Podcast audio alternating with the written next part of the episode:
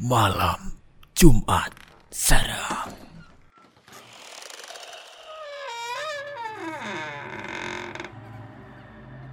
Pas itu aku lagi banyak banget tugas kuliah dan organisasi yang buat aku sering lembur bahkan sampai dini hari.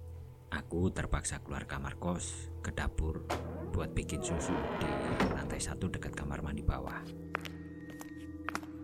Baru sampai tangga, hawanya jadi semakin dingin dan aku merinding. Pas itu gak tahu kenapa.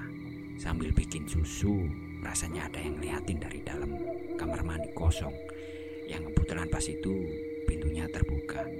Eh, sebelum selesai bikin, aku dengar suara keran nyala dari kamar mandi. Padahal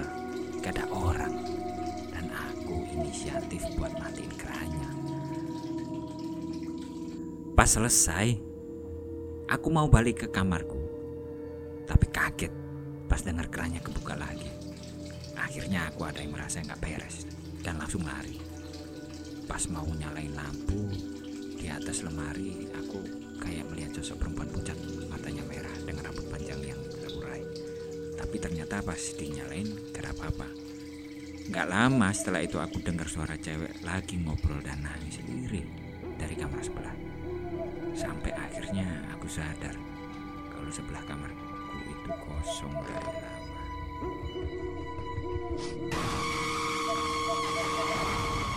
Malam Jumat Seram.